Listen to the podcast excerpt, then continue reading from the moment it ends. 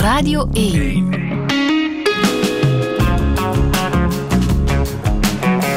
Douche. Met Friede Lesage. Touché met Lia van Beckhoven. Goedemorgen. Goedemorgen, Hoe gaat het? Het gaat prima. Mm, Ja, je had graag in Glastonbury gezeten, hè? Ik heb gisteravond veel te laat naar eh, de BBC gekeken. Naar Glastonbury en natuurlijk vooral naar Paul McCartney. En ik wilde iedere keer naar bed, maar het, het ging gewoon niet. Eh, ik, ja, het was adembenemend, het was fantastisch. Het was eh, natuurlijk iconisch, historisch. En nu zit je Noem hier. maar op. En nu zit ik hier en niet daar. Je bent onze correspondent in Londen en je hebt ook een boek geschreven hè, over Klein-Brittannië. Ondertussen ook een kleine bestseller. Ja, voor ons was het een reden om jou eh, naar hier te halen. Sorry dankjewel. daarvoor.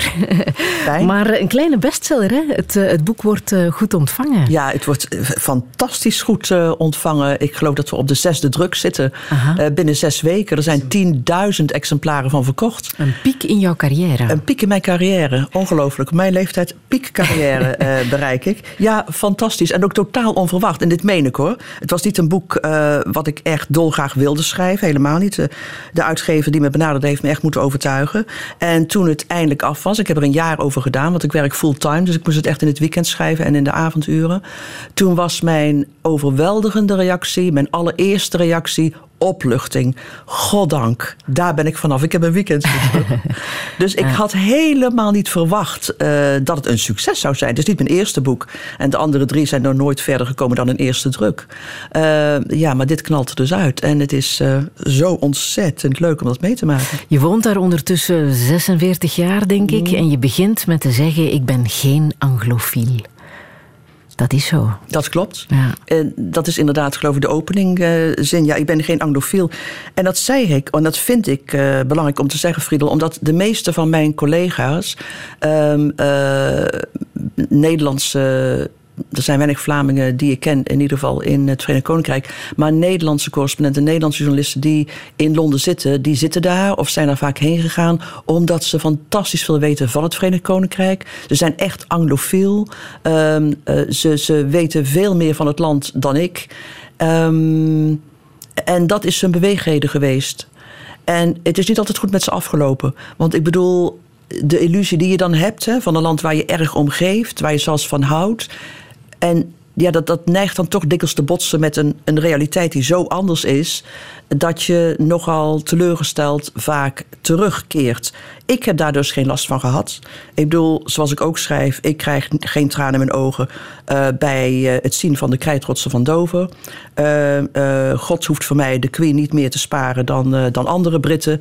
Dus ik heb dat helemaal niet, dat gevoel hè, wat anderen die erg veel van Groot-Brittannië houden, wel hebben. Mhm. Het is beter om toch een beetje Londen. afstand te kunnen bewaren. Ik denk het ook. Ik denk dat het zelfs essentieel is Mhm. voor je vak. Als je je vak goed wil uitoefenen als correspondent in Londen. Ik denk dat het dan absoluut noodzakelijk is dat je een zekere distantie hebt. Hè, dat je er van de buitenkant tegenaan blijft Mhm. kijken. Liever dat je er dan helemaal middenin zit. Ja, maar heb je er misschien ook het karakter niet voor om echt een Britse te zijn? Wellicht niet. Waarom vraag je dat?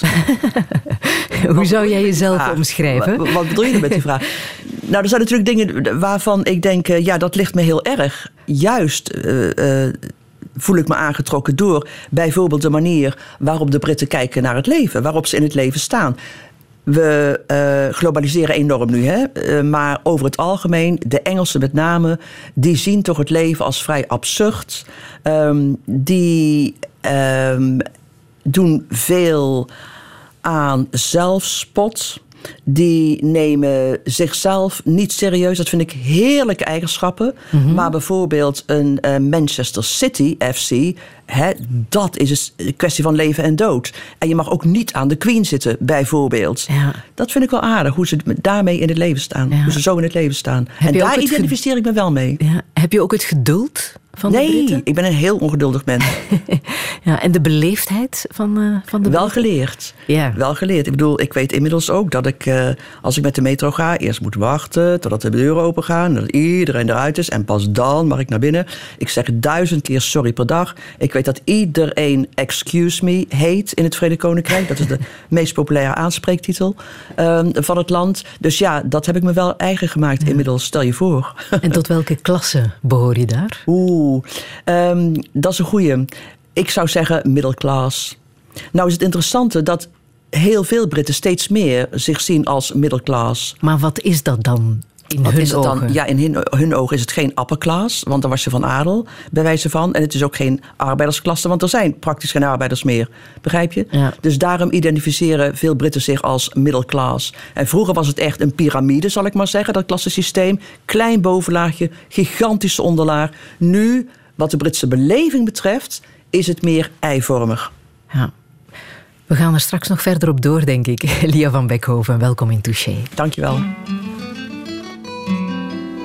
Some things in life are bad, they can really make you mad. Other things just make you swear and curse.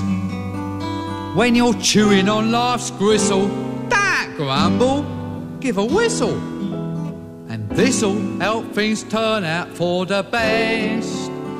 And always look on the bright side of life.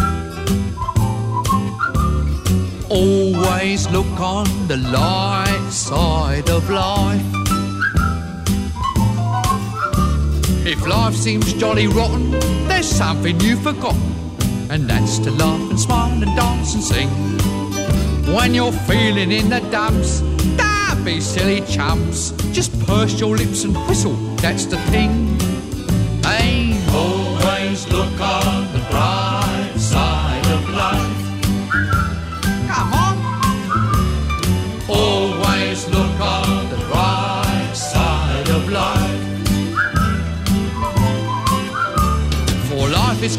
absurd, and death's the final word. You must always face the curtain with a bow. Forget about your scene, give the audience a grin. Enjoy it, it's your last chance anyhow.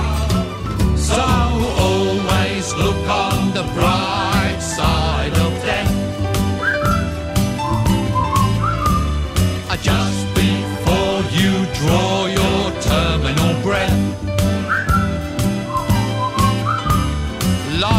piece of shit when you look at it. Life's a laugh and death's a joke, it's true.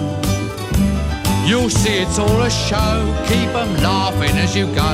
Just remember that the last laugh is on you.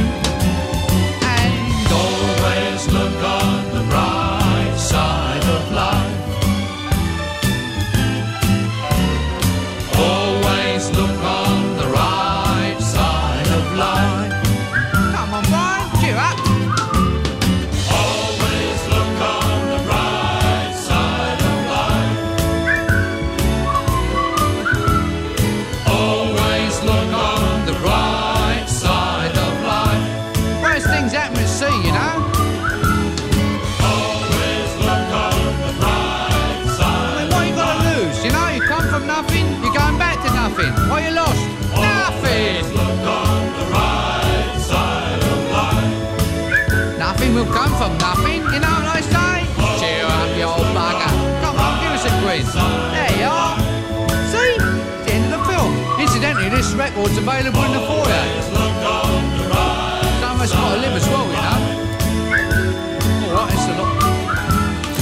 Monty Python natuurlijk en Always Look on the Bright Side of Life. Lia van Beckhoven, het officieuze, officieuze volkslied van Groot-Brittannië, wordt dit ook wel eh, genoemd. Lukt het nog wel een beetje voor eh, de Britten om naar de schone kant van het leven te kijken? Want in jouw boek Klein-Brittannië leg je toch wel de nadruk op die kleine kantjes van, eh, van de het gaat Britten. over hè? alles waar de Britten klein in zijn. Eh, nou, ze kijken nog steeds met een. Want het, daar gaat het om, hè? Eh, niet de mooie kanten, maar de leuke kanten, de grappige kanten van het leven. Daar Eh, zijn ze goed in. Daar zijn ze goed in, ja. Nu moet ik zeggen dat ehm, ehm, je merkt wel, je hebt gemerkt de afgelopen jaren, Brexit was daar een uitdrukking van, dat het land veel sterker gepolariseerd is. Het is veel verdeelder in alle opzichten dan toen ik er kwam wonen eind jaren zeventig bijvoorbeeld. Eh, Dus dat betekent dat eh, eh, steeds meer mensen er steeds minder vrolijk naar kijken, naar het leven. Ehm, maar de behoefte om de spot te drijven met van alles en nog wat, dat is nog steeds even groot. Ja. Die is nog steeds even groot. Eh, ze zitten in een overgangsfase, zeg je. Hè? Eh, en dat heeft veel te maken met, met de brexit. Waaraan voel je dat die overgangsfase aan de gang is? Nou, dat merk je als je kijkt naar ehm, de druk waar de grote Britse instituten onder staan, bijvoorbeeld. Uh, nu is het Verenigd Koninkrijk, sinds ik er dus kwam wonen, en dat voelt af en toe sinds uh, dat, dat, ik daar al zit, sinds pakweg de val van Antwerpen. Maar het voelt als, uh, altijd al als een verhaal van traag maar gestaag verval. Maar nog nooit heb ik zoveel instituten onder zo'n grote druk zien staan. Of je nu hebt over de onvolprezen gezondheidszorg, de National Health, of je hebt het over het parlement, uh, de manier waarop de politiek. Um, um, functioneert of niet. Of je hebt het over de BBC, je hebt het over het Koningshuis. De druk om verandering is enorm. Het is allemaal uh, aan het slijten, maar die slijtage is nu zo erg dat je kunt er echt je hand doorsteken. Zo groot zijn die gaten inmiddels. Um, en dan heb je het Verenigd Koninkrijk als eenheid zelf. Je kunt niet voorspellen, en dat is erg merkwaardig, dat het Verenigd Koninkrijk in die hoedanigheid nog zal bestaan over pakweg 25, 30 jaar. Gaat Schotland inderdaad afdrijven? Gaat het zelfstandig verder zonder de rest van Groot-Brittannië? Gaat Noord-Ierland zich afsplitsen van het Verenigd Koninkrijk en één land herworden met het zuiden van Ierland? Geen idee. Wat gebeurt er met de monarchie als de koningin komt overlijden? Begrijp je? Al dat soort vragen vind ik fascinerend. En daarom is het ook zo interessant geweest voor mij om, om, om dat boek uh, te schrijven. Ja. Symbolisch noem je het Brits parlement, hè, dat ook letterlijk op uh, instorten staat. Hoe, hoe, hoe, erg is het op dit moment met dat gebouw? Nou, dat vind ik inderdaad typerend uh, voor hoe het parlement daar binnenin functioneert. Als je nu voorbij het parlement loopt, dan zie je dat een groot deel in de steiger staat. En daar staat het al jaren. Het moet worden opgeknapt. Uh, als je praat met architecten die daarmee bezig zijn, dan zeggen ze. Als het aan ons ligt, hadden we het al helemaal tot de grond afgebroken. En waar we opnieuw begonnen, hadden we er een modern gebouw neergezet. Maar dat kan niet, want het is UNESCO-erfgoed. Maar het staat dus al jaren op instorten. En nog steeds, nog steeds kunnen de parlementariërs niet beslissen wat ze ermee gaan doen. Het gaat miljarden kosten om dat parlementsgebouw op te knappen. Er zijn twee manieren waarop je het kan doen. Heel snel door iedereen ergens anders heen te sturen. Vanuit ergens anders het land te besturen. Dan er 7, 8 à 10 jaar over doen dat gebouw op te knappen. En dan kan iedereen weer terug. Of je kunt zeggen, ze blijven allemaal zitten. We verbouwen om die zittende parlementariërs heen, dan, du dan kost het nog meer miljarden en duurt het misschien wel 25, 35 jaar voordat we daarmee klaar zijn. En het is zo nodig dat het herbouwd wordt. Mm -hmm. Geen van de 3000 ramen sluiten. Er zijn 714 um, uh, kilometers aan elektriciteitskabels, die voor het grootste deel niet vervangen zijn sinds de jaren 50. Iedere nacht lopen daar mannen met helmen door uh, onder de gewelven van het gebouw om te voorkomen dat binnenbrandjes, die je er voortdurend hebt vanwege tig kortsluitingen uh, per etmaal uitslaan tot inderdaad grote branden. Het lekt, overal zie je pannetjes en emmers onder de plafond staan. Kamerleden zeggen wij komen terug van reces en de muizen lopen over uh, uh, het bureau heen. Met andere woorden, dit is symbolisch ook, vind ik, niet alleen het verval van het gebouw, maar ook het alsmaar voor je uitschuiven van het nemen van beslissingen voor de manier waarop het parlement zelf functioneert. Je hebt daar wel de mooiste damestoiletten ter wereld. je hebt mijn Weet boek gelezen. Ja. Je hebt mijn boek gelezen. Ja. ja. Daar ben je geweest, in de damestoiletten. In de damestoiletten. En dat is ingewikkelder dan je nu doet voorstellen, Friedel. Ik was een lange versie. Misschien een korte versie. ik was uh, in het uh, House of Lords, hè, de Eerste Kamer. En ik, als ik zeg die is aan verandering toe, dan bedoel ik dat ruim 90% van die 900 ingezetenen benoemd zijn door de premier. Is dat democratisch? Nee, natuurlijk niet. Willen ze dat veranderen? Daar zijn ze 100 jaar geleden over gaan nadenken. Nog steeds is er niks veranderd. Een van mijn ergernissen. Maar ze hebben wel, de House of Lords, de mooiste dameswc ter wereld. en een van die lords zei een keer, nou je moet er eens echt... Want hij zei dat dus, ik zei nou ik geloof er niks van. Ga maar kijken.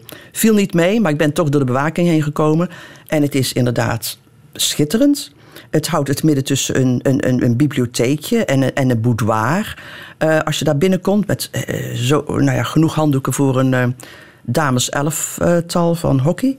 Uh, dan kom je achter een grote, zware eikenhouten deur. En dan zie je een eikenhouten ja, kakdoos. Met in het midden, en echt groot. Ik bedoel, uh-huh. als een tafel was, kon je er met z'n vieren aan zitten. Een beetje opschuiven met z'n zessen. En dan in het midden een porseleinen pot met, denk ik, met de hand beschilderd vogels, bloemen en zo erop. En daarnaast een koperen handvat waarmee je dan de adellijke ontlasting wegspoelt. En dan loop je eruit en denk je, god, dat is de mooiste plek ter wereld.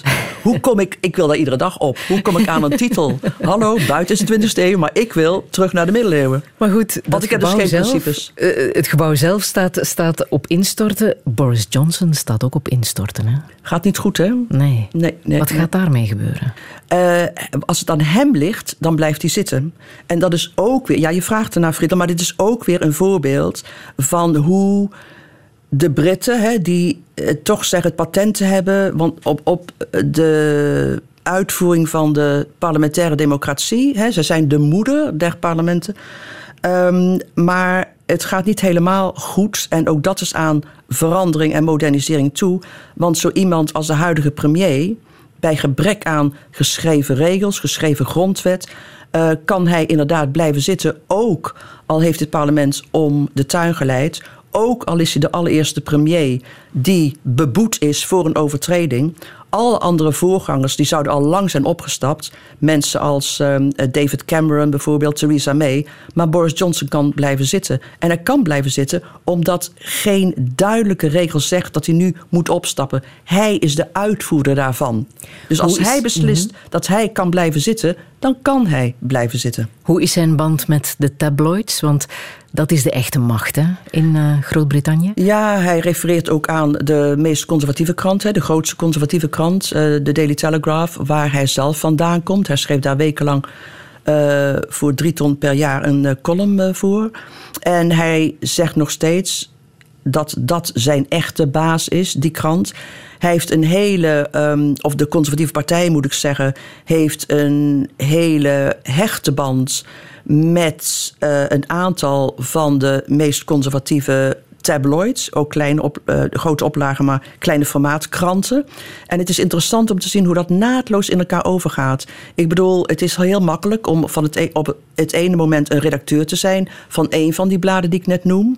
En ehm, een paar maanden later ben je woordvoerder van een premier. Dat loopt ook allemaal in elkaar over. En dat verklaart ook waarom er tijdens het ehm corona-debakel en tijdens de corona-epidemie er een lockdown was en er een feest was, een van de meerdere feesten en borrels in Downing Street, waar honderd mensen aanwezig bij kunnen zijn, waaronder journalisten van de tabloids, waarvan je weet dat ieder van die honderd mensen een eh, fototoestel heeft of een, een, een mobiele telefoon heeft met een camera erop en niets van zo'n feest verschijnt daarover in een van die bladen. Wat is dan het mechanisme daarachter? Wat is dan die macht van, van de tabloids? Hoe De doen ze tabloids dat? weten dat die feesten gehouden worden. Die kranten weten dat Boris Johnson daarmee de regels die hij zelf heeft afgekondigd treedt. Maar het is in hun belang om Johnson in het zadel te houden. En daarom wordt daarover gezwegen. Het is niet toevallig dat het een journalist was van een links-liberale krant die het schandaal aan het rollen bracht. Hoe sterk is de BBC nog op dit moment? Je kunt zeggen dat de tabloids veel minder machtig zijn als je kijkt naar een oplage dan 20, 30 jaar geleden. Eh, ik geloof dat ze niet meer dan, de grootste niet meer dan een miljoen lezers. Ze zitten zelfs onder een miljoen, wat ongelooflijk weinig is in vergelijking met de 4 miljoen van nog niet zo lang geleden. Maar daar gaat het niet om. Waar het om gaat is dat zij de agenda bepalen. Dus ook wat je op de BBC ziet verschijnen, dat wordt eigenlijk gestuurd door de tabloids. Het is aan de BBC, die zichzelf ook in de verdrukking weet, omdat nu gedreigd wordt door de regering dat ze de kijk- en luistergelden gaan afschaffen, om zich niet ehm, ja, zich geïntimideerd te voelen, denk ik, en zich daarom ook minder kritisch op te stellen ten opzichte van het politieke gebeuren dan ze een poos geleden gedaan hadden. Ja. Ze voelen zich onder druk. Ja. Dat is een van die instituten die Kunnen ze nog wel een neutrale openbare omroep zijn? Dat is de vraag. Ja, neutraal. Ach, wat is neutraal? Ik bedoel, je moet ook kritisch zijn. Als, eh, dat is ook onderdeel van je neutraliteit natuurlijk. Hè, dat je kritisch bent. En dat zijn ze steeds minder.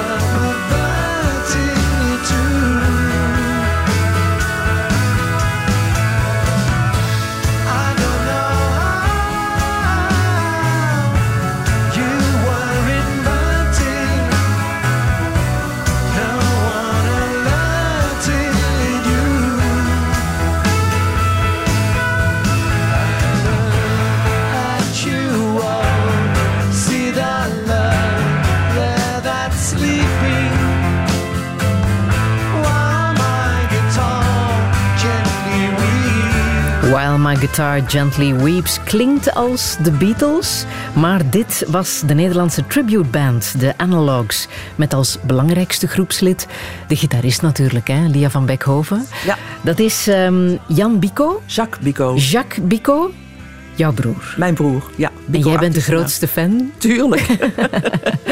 maar het is ongelooflijk goed, hè? Hij is ongelooflijk goed en zij zijn ongelooflijk goed.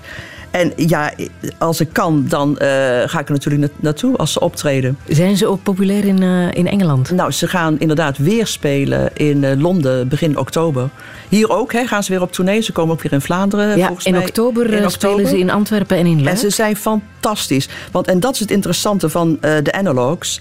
Eh, ze zijn geen tributeband. Ik bedoel, ze hebben niet die pruikjes en die rare pakjes en zo... die andere gewone Beatles tributeband dragen. Maar zij zijn, zoals The Times een keer eh, schreef in een recensie... de archeologen van de Beatles. Dat wil zeggen, zij spelen de Beatles... en de eh, eh, albums van de Beatles... die de Beatles zelf nooit live gespeeld hebben. Dus het zijn alleen maar de studio-albums als eh, Abbey Road, eh, Magical Mystery Tour, ehm, die zij dus nu spelen. En ze doen dat ook met orkesten, met koortjes en zo erbij. En het is fantastisch knap. Ze hebben de meeste instrumenten inderdaad eh, van uit de hele wereld bij elkaar geraapt. En dat zijn instrumenten die de Beatles destijds ook gebruikt hebben. Dezelfde soort instrumenten. En het zit eh, muzikaal geweldig goed in elkaar. En kijk, het is natuurlijk toch vooral voor mijn generatie eh, eh, iconisch. Hè? De Beatles zijn toch ja, de soundtrack, de achtergrondmuziek zal ik maar zeggen, van mijn leven. Ja, ja. Dus dat mijn broer daar nu bij zo'n band zo'n grote rol in speelt, vind ik geweldig. Kom jij uit een muzikaal gezin? Ik kom uit een muzikaal gezin. Eh, helaas hebben de, heeft het muzikale gen mij nooit bereikt. Maar ehm, eh, mijn moeder was eh, erg muzikaal. Ja, we zijn echt thuis opgegroeid met eh, klassieke muziek. De radio stond altijd aan. eh, op klassieke zenders. En eh, mijn moeder heeft haar hele leven bij een koor gezeten. En dat was voor haar ontzettend belangrijk. En als ik er nog eens op terugdenk, dan denk ik... Ze was een huisvrouw, maar dat koor was voor haar bijna even belangrijk als voor mijn zussen. En ik heb twee zussen en mijn broer. Onze banen waren, ons werk was, weet je wel. Dat was echt, eh, als ze dan s'avonds naar het koor gingen op dinsdagavond, was dat het hoogtepunt van, eh, van haar week. Eh, en het was klassiek, koormuziek. En dat zong ze. En vroeger thuis speelde ze piano. En mijn zussen hebben ook veel, met meer succes dan ik, allerlei instrumenten gespeeld. En hebben op koren gezeten en zo. Dus ja, eigenlijk was er altijd muziek. Ja. En wat deed je vader? Mijn vader was fysiotherapeut. Heeft dat op een of andere manier invloed gehad op, eh, op jullie leven? Nou, wel de manier waarop zij alle twee in het leven stonden. Ehm, mijn moeder was, eh, had, een, had een hele vrolijke, Brabantse, zouden ze zeggen, in de rest van Nederland, eh, kijk op het leven. Ehm, was dus, zoals ik je zei, muzikaal. Ehm, mijn vader, ik denk wat hij ons kinderen bijbracht, was, eh, hij had een heel groot geweten, was sociale verantwoordelijkheid, eh, bescheidenheid. Mijn ouders leefden eigenlijk heel bescheiden. Ik bedoel, er was geen, absoluut geen geldsgebrek, maar ehm, ze gaven minder uit dan ze hadden, zal ik maar zeggen. En ze vonden het ook belangrijk dat wij eh, bescheiden in het leven stonden. Eh, ze waren ook ehm, de minst materialistische mensen die ik kende, mijn ouders. En dat, Ja. zijn, dat zijn natuurlijk hele, hele mooie eigenschappen. Ja, jij was de oudste hè, van, ik, was, van vier. ik ben nog steeds de oudste. Ja. Ja, Ook de wegbereider, dat, dat ja eh, onvermijdelijk. wel, hè? ja. Denk ik, je bent de eerste die niet meer naar de kerk wil. Je bent de eerste die laat uit wil. Je bent de eerste die niet om twaalf uur thuis is, terwijl het wel moet. Eh, je bent de eerste die met een vriendje op vakantie wil. De eerste die aan de pil wil. Ja, wat dat betreft is het de eerste die het huis uitgaat om te gaan studeren. Ja. Dus tegen wil en dank ben je Je baanbreker. wou ook echt wel weg hè, uit Oosterhout. De saaiste stad ter wereld, noemde Ja, je was- Oosterhout. Ja, het, het was zo, zo braaf en die keurige hiërarchie ehm, die er natuurlijk wa- was. Hè. Ik, ik, ik heb het over eh, jaren 50, jaren 60, eh, provinciestad. Iedereen was katholiek. Je volgde de uitgestippelde katholieke weg. Hè. Ehm, het meest exotische in Oosterhout was geloof ik de protestantse kerk. Daar had je het wel eh, mee gehad eigenlijk. Dus het voelt, denk ik, erg geborgen. Ehm, en erg vertrouwd. Maar op een zekere leeftijd gaat het je benauwen ook. Ja. En wil je weg.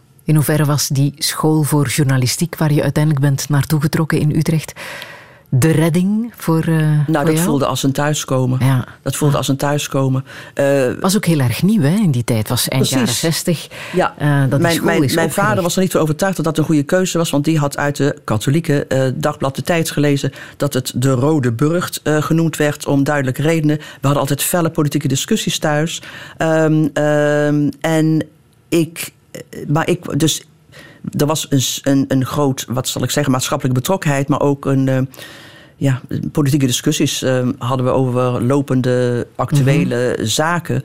Eh, en daar bij de school was dat te doen gebruikelijk. Iedereen eh, was betrokken bij wat zich eh, afspeelde van de oorlog tot Vietnam tot allerlei nieuwe filosofische denkers. En het was heel erg interessant, vond ik, om juist in die periode, eind jaren 60, begin jaren 70 in mijn geval, naar de school te gaan. Ja, het was ook Ja. de periode waar heel veel jonge mensen naar de kibbutz trokken hè, in Israël, wat jij ook hebt gedaan. Ja. Hoe, hoe was dat? Nou, ik denk. ehm, halverwege die opleiding wist ik niet zeker of ik wel de journalistiek in wilde. Eh, een vriend was net eh, met zijn auto op en neer gereden, een lelijke één natuurlijk, dus 2CV, naar uh, naar Israël, as you do. En die was teruggekomen, die zei, nou weet je wat jij moet doen om echt zinnen te verzetten, te kunnen nadenken, met je handen te werken, niet meer studeren en, en met die school bezig zijn. Ga eens een paar maanden in zo'n kibbutz zitten. Hier is het adres. En in die tijd, denk ik, had je een aantal keuzes. Als je toch weer wat verder wilde dan Nederland. Als je heel avontuurlijk was en niet erg aan het leven hechtte, dan ging je naar Afghanistan. Uh, was je avontuurlijk en wilde je echt um, ja, iets totaal anders beleven en zien, dan ging je naar India. En hechtte je wel aan het leven en wilde je iets wat vrij exotisch was, maar ongevaarlijk, dan ging je naar een kibbutz in Israël. Ah, ja. Dus ik kwam in de laatste, laatste Ja. categorie terecht. Ja. En hoe was dat dan? Hoe is dat meegevallen? Ja, ik vond het fantastisch. Ook paradijs op aarde. Het was geografisch lag het mooi. Het was fysiek heel erg mooi. Ehm, eh, en het was natuurlijk avontuurlijk. Ik bedoel, heel. Toen was het nog gebruikelijk dat de Palestijnen ook eh, eh, op de kibbutz kwamen, handel drijven. Eh, er waren heel veel culturen, wil ik maar zeggen, daar. De kibbutz was opgericht net tussen de Eerste en Tweede Wereldoorlog door Oost-Europese Joden met een socialistisch ideaal. Ehm, die mensen waren er ook nog.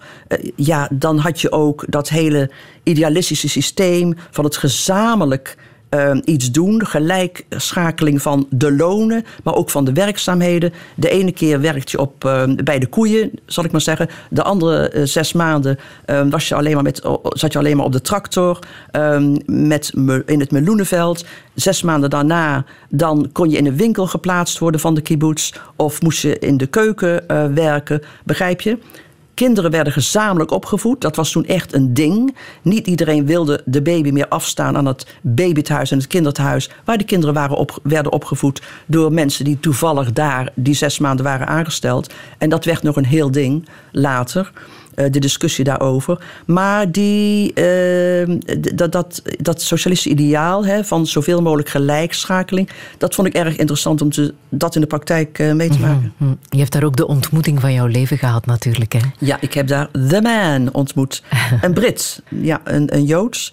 Die daar uh, inmiddels, toen ik hem zag, uh, toen ik hem ontmoette, ruim twee jaar gezeten had, bijna drie jaar gezeten had. En ook op een cruciaal punt daar zat. Want als je als buitenlander drie jaar in Israël zat, dan moest je kiezen. Je kon of terug naar het land waar je vandaan kwam, of je moest het leger in. En dat was uh, uh, lastig en, en hard. Dus hij en zat was met die dat voor hem een, een mogelijkheid dat hij daar zou blijven? Ja, dat was zeker een ja. optie. Ik denk als je daar 2,5 jaar zit, dan, is, dan overweeg je dat natuurlijk. Was hè? het dan ook een mogelijkheid voor jou geweest om in Israël een nee, nee, leven uit te Nee, nee, nee, nee. bouwen? Nee, nee, nee, Nooit een optie geweest? Nee, absoluut niet. Ja, Daar ben je heel duidelijk in. Ja. Hebben jullie daar gesprekken over gehad? Is dat een optie geweest? Nou, niet echt. Hij was toen eigenlijk al aan het besluiten om toch maar terug te gaan naar het Verenigd Koninkrijk. Mhm. Naar, uh, naar Londen.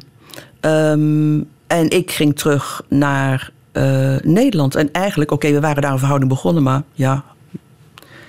Een paar ma drie, vier maanden, weet je. Uh, niet langer. En tot ons beide verbazing bleef die verhouding stand houden toen hij weer in Engeland zat en ik weer terug was uh, in Utrecht. En dat viel niet mee, moet ik je zeggen. Want kijk, eh, er was geen mobiele telefoon, er was geen internet. Ehm, eh, het was te duur om elkaar te bellen. Dus die verhouding hield stand met het schrijven van hele lange brieven op dat hele dunne, lichte blauwe Ja, ja, ja. lucht airmailpapier. Ja. En af en toe, als je dan het geld had, dan ging je in mijn geval naar Engeland. En dat was ook niet ehm, zoals nu, een uurtje in het vliegtuig. Of een paar uur met eh, de trein. Maar je zat dan eh, toch zes uur op de boot. Hoek van Holland Harwich. En dan uren met zo'n boemel ehm, van Harwich naar Londen. Het was heel praktisch om daar gewoon te blijven dan. Nou, dat duurde even hoor. Dat was ook niet vanzelfsprekend.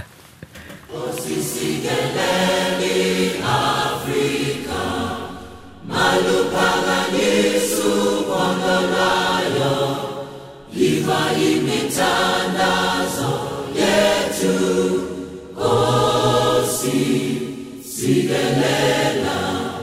Tina, lusa forlaio, oh sì, Africa, ma lu para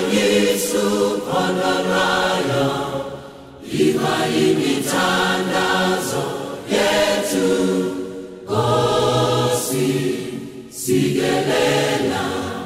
Tina, lusa polajo.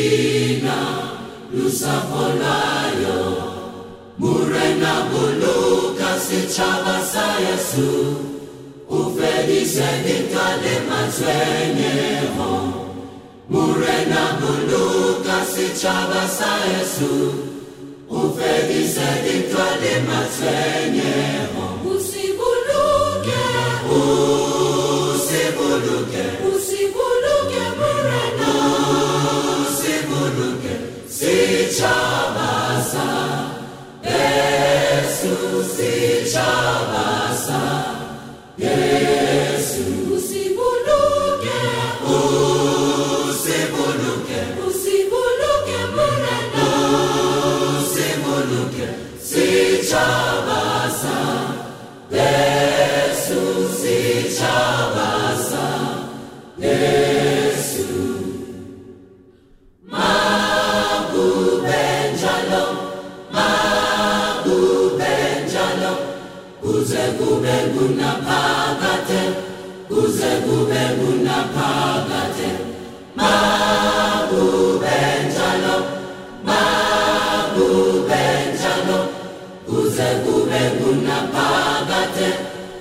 Segu Belguna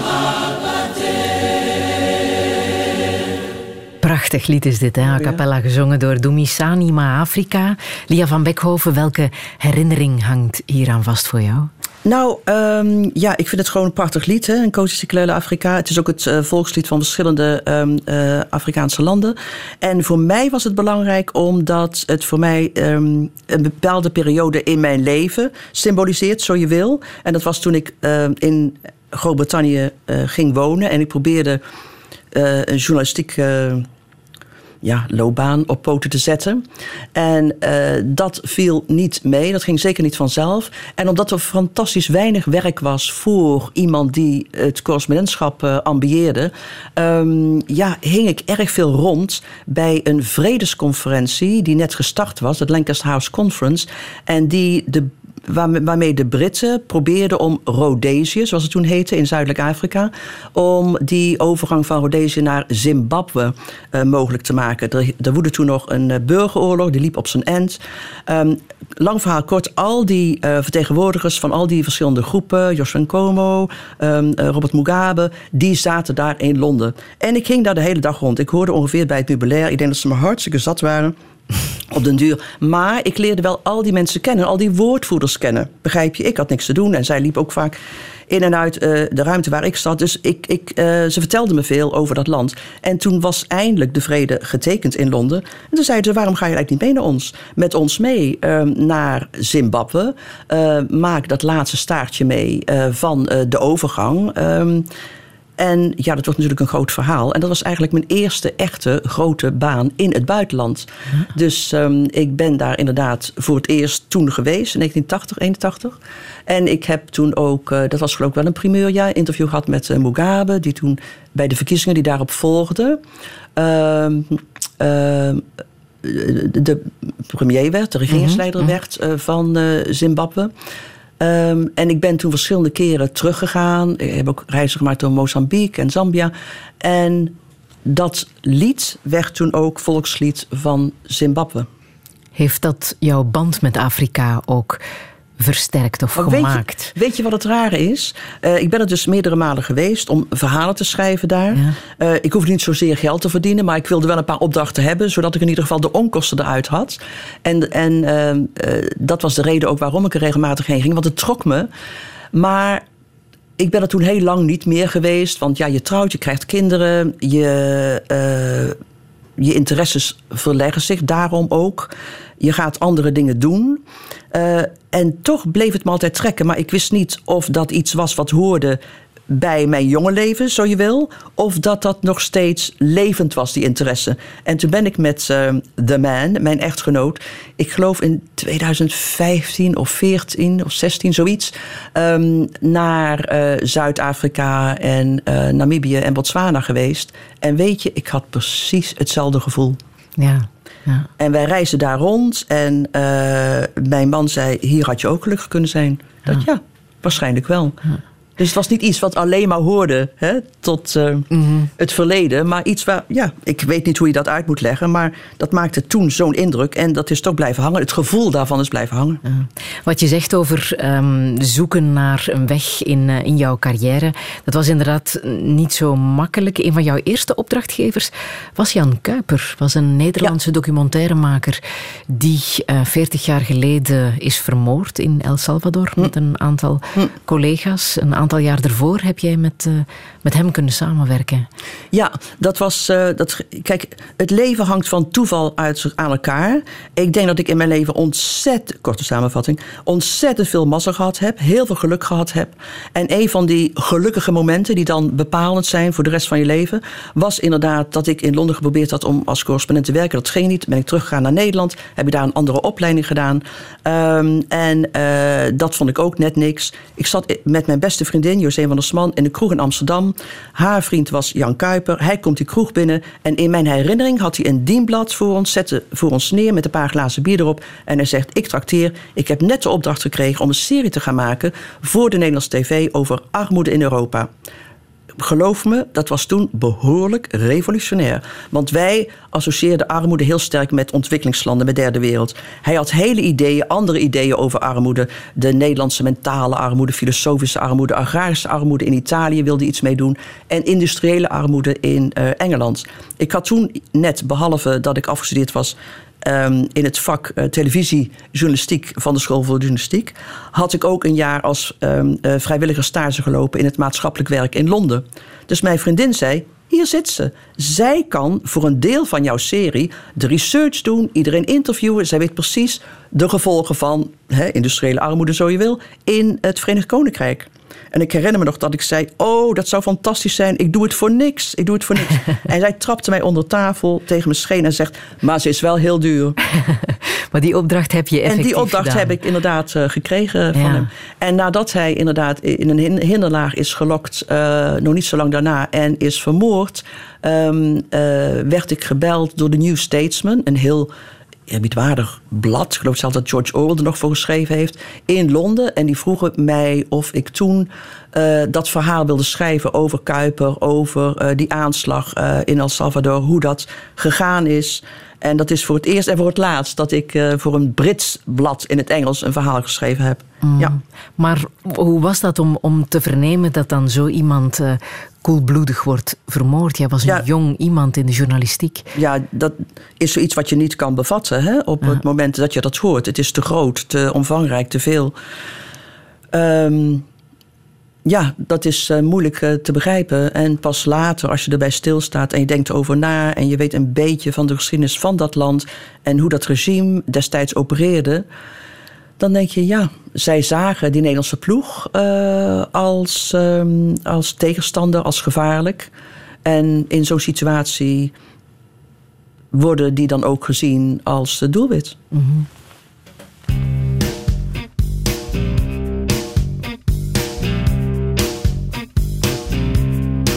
Mustang Sally. Guess you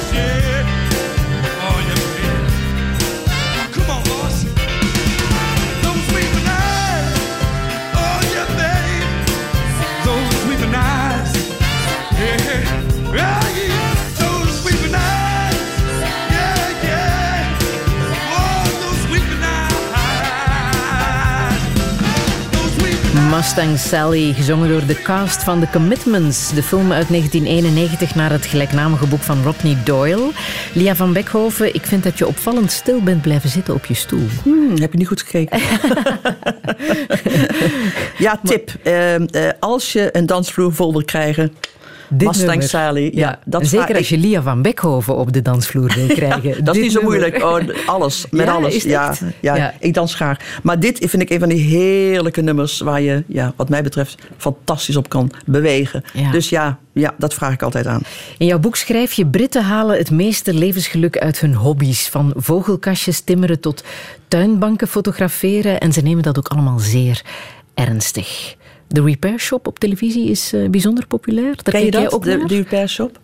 Ik ken het niet, maar Nee, ik nee, las nee, dat, dat alle. Britten daar naar kijken. Ja, mannelijke vooral, hè? Ja? Ja, ja, ja. Die hobby's zijn toch wel iets eh, van Britse mannen, met name.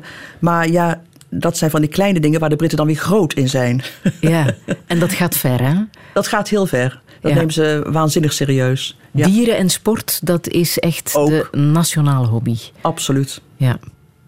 Hoe, hoe, hoe eh, komt dat bij jou binnen? Hoe zou je het Nou, omschrijven? kijk, die- iedereen houdt van voetbal. En eh, de, de Britse Premier League, hè, de Eredivisie, is wereldwijd, is internationaal, is Mhm. niet meer, al lang niet meer, eh, enkel Engels. Maar de beleving daarvan is zo diep en gaat zo ver. Eh, dat is ook uitzonderlijk. Dat heb ik ook altijd uitzonderlijk gevonden om mee te maken. Of je nu een politicus interviewt, of je gaat naar het kantoor van een advocaat of een notaris, of het maakt niet uit. Ga altijd even naar de wc en wat zie je daar hangen? Eh, een vaandel of een vlag of een das of een shirt. Iets dat verwijst naar de loyaliteit van die man of vrouw. En dat heeft altijd te maken met een voetbalclub. een voetbalclub is, ja, het is als een religie. Ja. Hè? Het is leven en dood alleen eh, ernstiger, eh, meer serieus. Maar het is zeker als een religie in zoverre dat nog steeds jonge kinderen, jongens tegenwoordig zowel als meisjes, wat echt geweldig is, ehm geïnitieerd worden in de club van hun ouders. En dan is het fantastisch moeilijk. Ik ken echt mensen met gewetensbezwaren die ja, toch fan zijn van, ik noem maar wat, Manchester United. Omdat hun ouders uit Manchester komen. Maar eigenlijk, omdat ze nu in West-Londen wonen, veel liever Fulham willen steunen. Nou, dat zijn gewetenskwesties hoor. Dat kan wie, zomaar niet. Voor wie supporter jij? Nou ja, ik was vroeger een groot fan van eh, Liverpool FC, maar ik heb lang geen voetbal gezien. Ik, ik kan eh, makkelijk daar weer enthousiast over worden.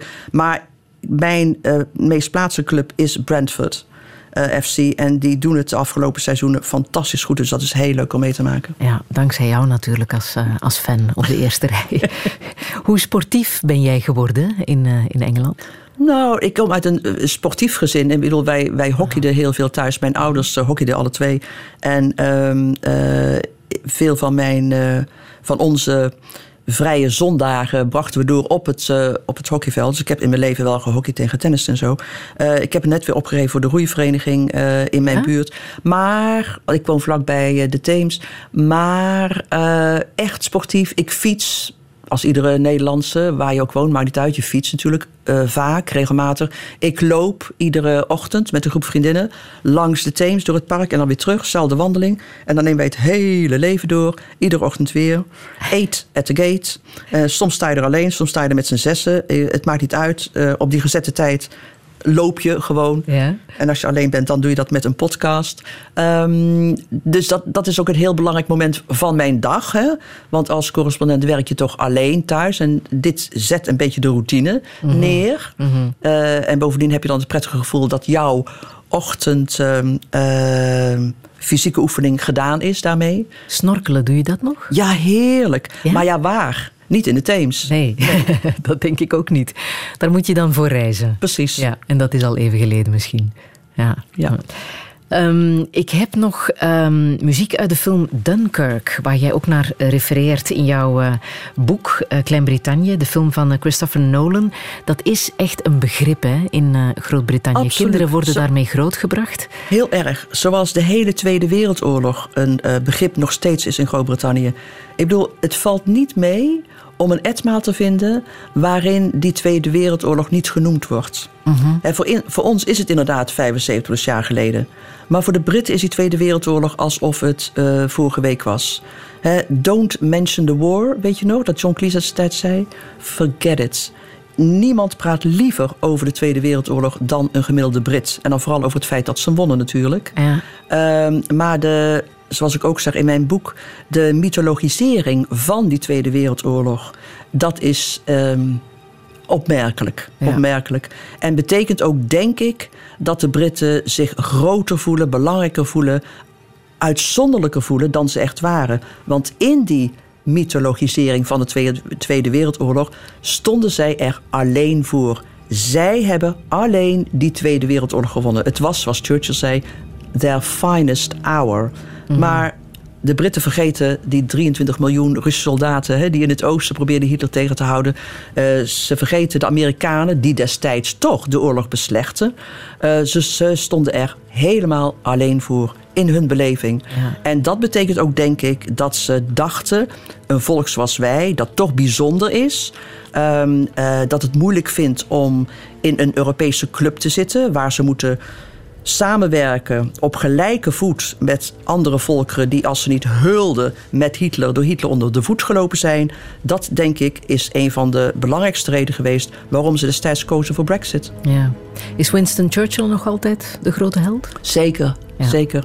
Winston Churchill is eh, voor de Britten de grote held, omdat die natuurlijk de man was die eh, de Tweede Wereldoorlog eh, tot dat einde bracht. Hè? Ja. Met al zijn vernuft en al zijn slimmigheid en de eensgezindheid die hij oproep, opriep. Hè? Hij gaf het volk meer kracht dan dat ze dacht dat ze had. Ja. Dunkirk, die film van Christopher Nolan, toch eh, zeker eens eh, te bekijken. Zometeen praat ik verder met Lia van Beckhoven. Radio 1.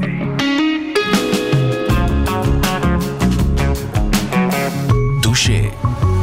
Met Friede Lesage. We wuiven het tiende seizoen van Touché uit met onze correspondent uit Londen, Lia van Beckhoven.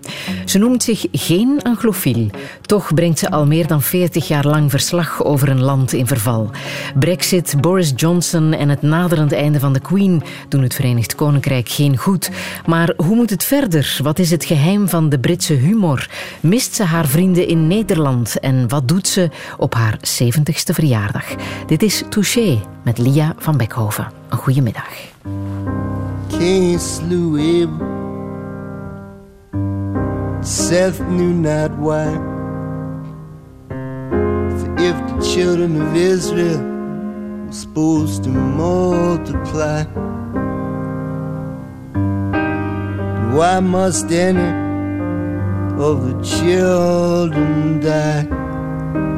So he asked the Lord, and the Lord said, Man means nothing, he means less to me than the lowliest cactus flower, the humblest yucca tree. Chases round this desert, he thinks that's where I'll be. That's why I love mankind.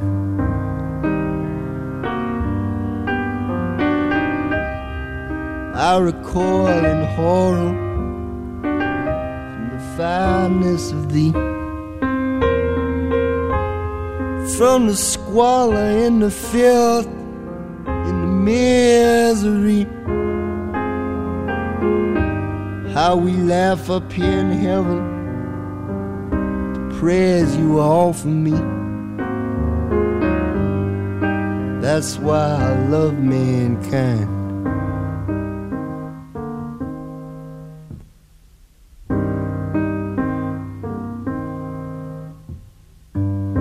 Christians and the Jews were having a jamboree. The Buddhists and the Hindus join on satellite TV. Pick the four greatest priests, and they began to speak. Say, Lord, a plague is on the world. Lord, no man is free. The temples that we built to you tumbled into the sea. Lord, if you won't take care of us, won't you please, please let us be? And the Lord said, and the Lord said, I burned down your cities. How blind you must be. I take from you your children, and you say, How blessed are we. You all must be crazy. Put your faith in me. That's why I love mankind. You really need me. That's why I love mankind. God Song van Brandy Newman, hier zachtjes meegezongen door Lia van Beckhoven in eh, de studio. Lia, er zit toch wel eh, muzikaal talent in jou hoor. Nou, ik vind het zo goed. Ik bedoel, dit is echt het lijflied voor eh atheïsten waar dan ook ter wereld. Ehm, hè, dit is zoals God volgens Newman naar ons en de wereld kijkt. Ik steek je steden in brand, ik dood je kinderen en jullie zeggen... wij zijn gezegend. Hoe blind moet je zijn in mij te geloven? That's why I love mankind. Jullie hebben me zo nodig. Op zijn satirische best, vind ik, eh, Randy Newman.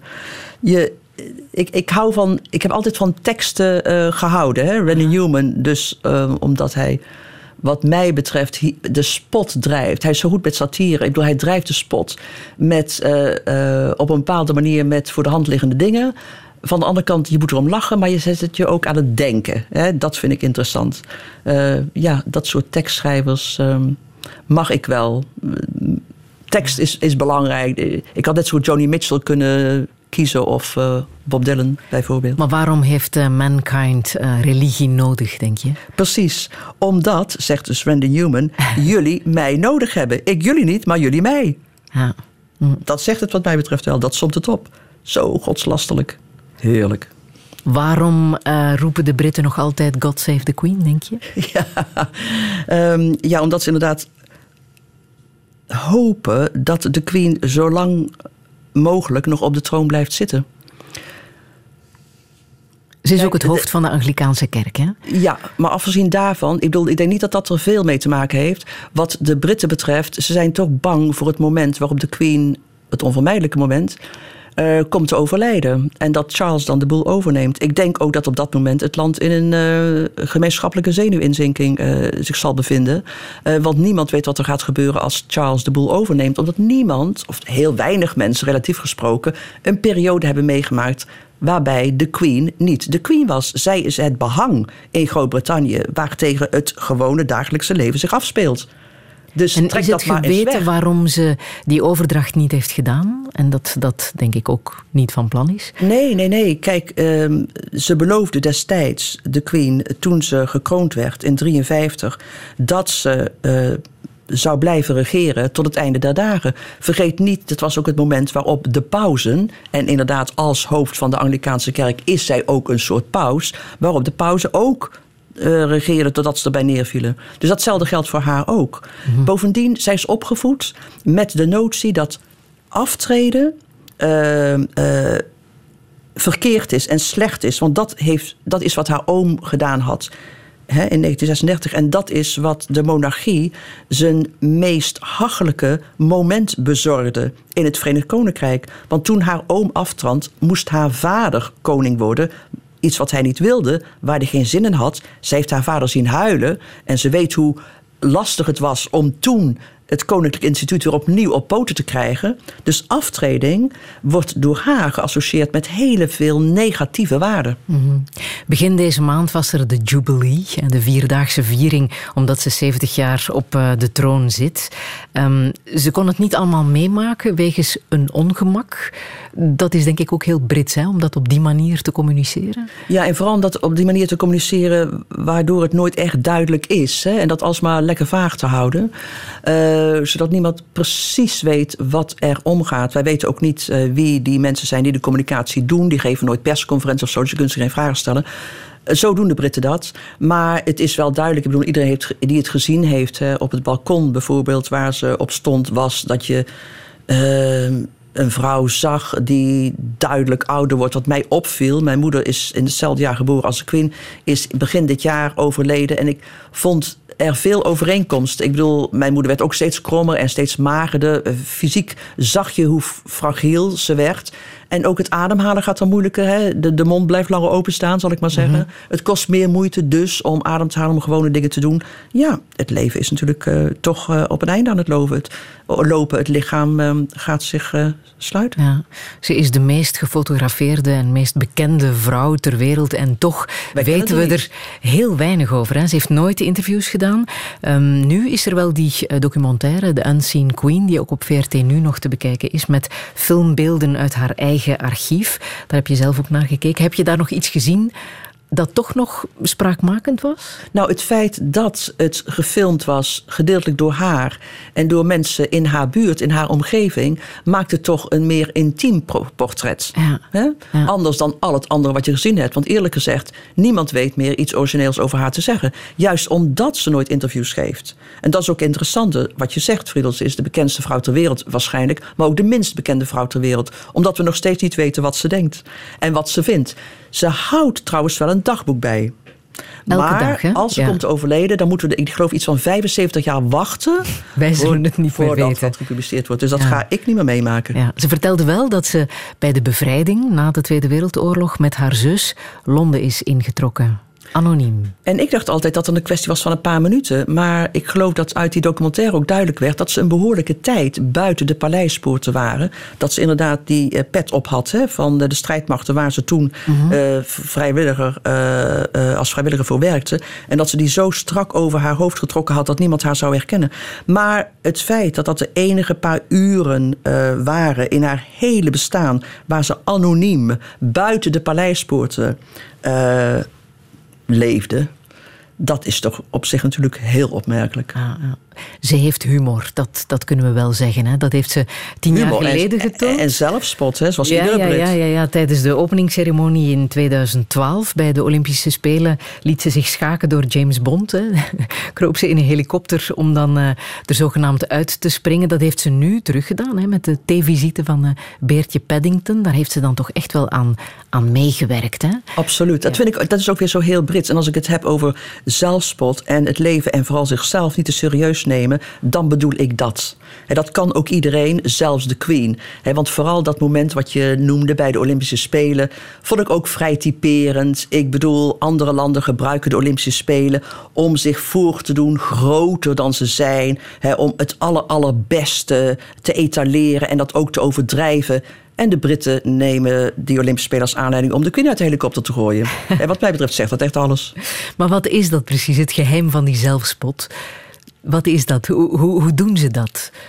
Nou, wat ik je zeg, je kijkt toch Ja. met een glimlach. Hè, met, Zoals ze in Engels zeggen, tong in cheek. Hè? Stop je tong maar in je wang. Zo kijk je naar jezelf. Ja. En je wordt ook afgebrand hoor. Als je je, je kop boven het maaiveld steekt. En, en, en jezelf echt een eh, beetje te serieus neemt. helpt het als overlevingsstrategie? Tuurlijk, Ja. absoluut. Dus hoe hoger, eh, in, eh, hoe hoger je staat, hoe meer zelfspot, is dat, is dat een goede raad? Nou, iedereen heeft zelfspot, denk ik tenminste. De meeste Britten zien dat toch als een heel groot goed. En hebben zich die eigenschap ook aangemeten. Eh, het is denk ik makkelijker om nederlagen te ondergaan. En wat je suggereert, hoe hoger je bent in een bepaald milieu... en eh, op een bepaald punt van je carrière... hoe meer zelfspot je nodig hebt. Hè, omdat de klappen dan extra zwaar, zwaar kunnen zijn. Dus ja, het geeft wel... eh, een soort reserve, zal ik maar zeggen. Het geeft wel ehm, ja, een zachte mat om op te vallen als je achterover keldert. Niemand weet precies hoe eh, rijk de Queen is hè, en hoeveel geld ze eh, uit privémiddelen haalt en waar die vandaan komen. Dat is allemaal heel duister en onduidelijk. Het valt toch wel op dat dat is in een land waar het verschil tussen rijk en arm ook wel ontzettend groot is. En dat daar toch weinig protest tegen komt. Hè? Ja, daar hadden, waar we het eerder over hadden, hè? over die enorme inkomenskloof. Ja. Eh, over het feit dat de Britten ja, daar toch mee kunnen leven. Ook een ergernis eh, van Maar mij in ieder kan geval. dat blijven duren, denk je? Ja, hoe kan dat blijven duren? Ehm, ik denk dat een vorm van protest er al was in de vorm van Brexit. Eh, dat veel, want kijk, ehm, in 2010 zijn, is de Britse conservatieve regering begonnen met het uitrollen van een heel groot en heel heftig bezuinigingsprogramma. Ehm, eh, dat betekende dat het steeds moeilijker werd om bijvoorbeeld aan een tandarts te komen. Duizenden Britten trekken hun eigen tanden, want je kunt niet aan een tandarts komen. Eh, het heeft ook tot gevolg gehad dat er wachtlijsten zijn van 6,5 miljoen mensen bij de gezondheidszorg. Ehm, natuurlijk heeft eh, de pandemie daar ook geen goed aan gedaan. Maar ik bedoel, 10% van de hele bevolking op een wachtlijst.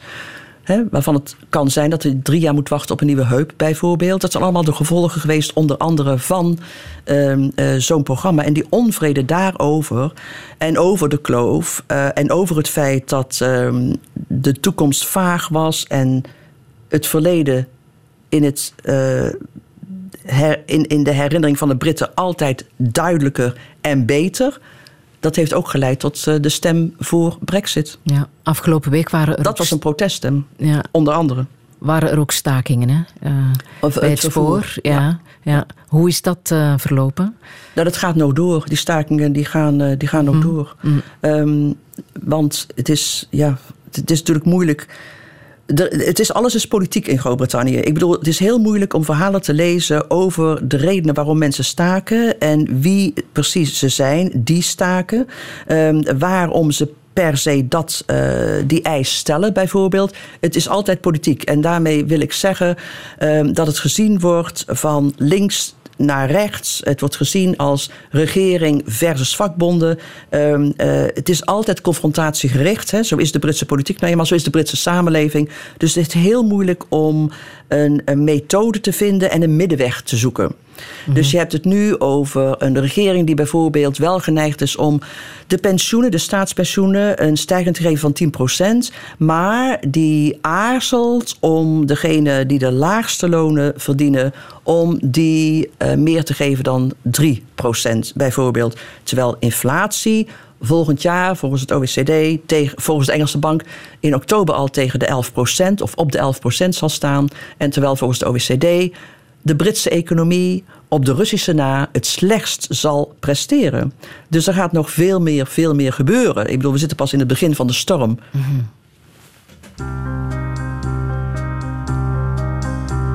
Je kunt desnoods wel zonder geld, al is dat voor je maag niet fijn. Nog erger als een vrouw je kwelt, want dan doet ook je hart nog pijn. Ik weet, het kan verschrikkelijk zijn.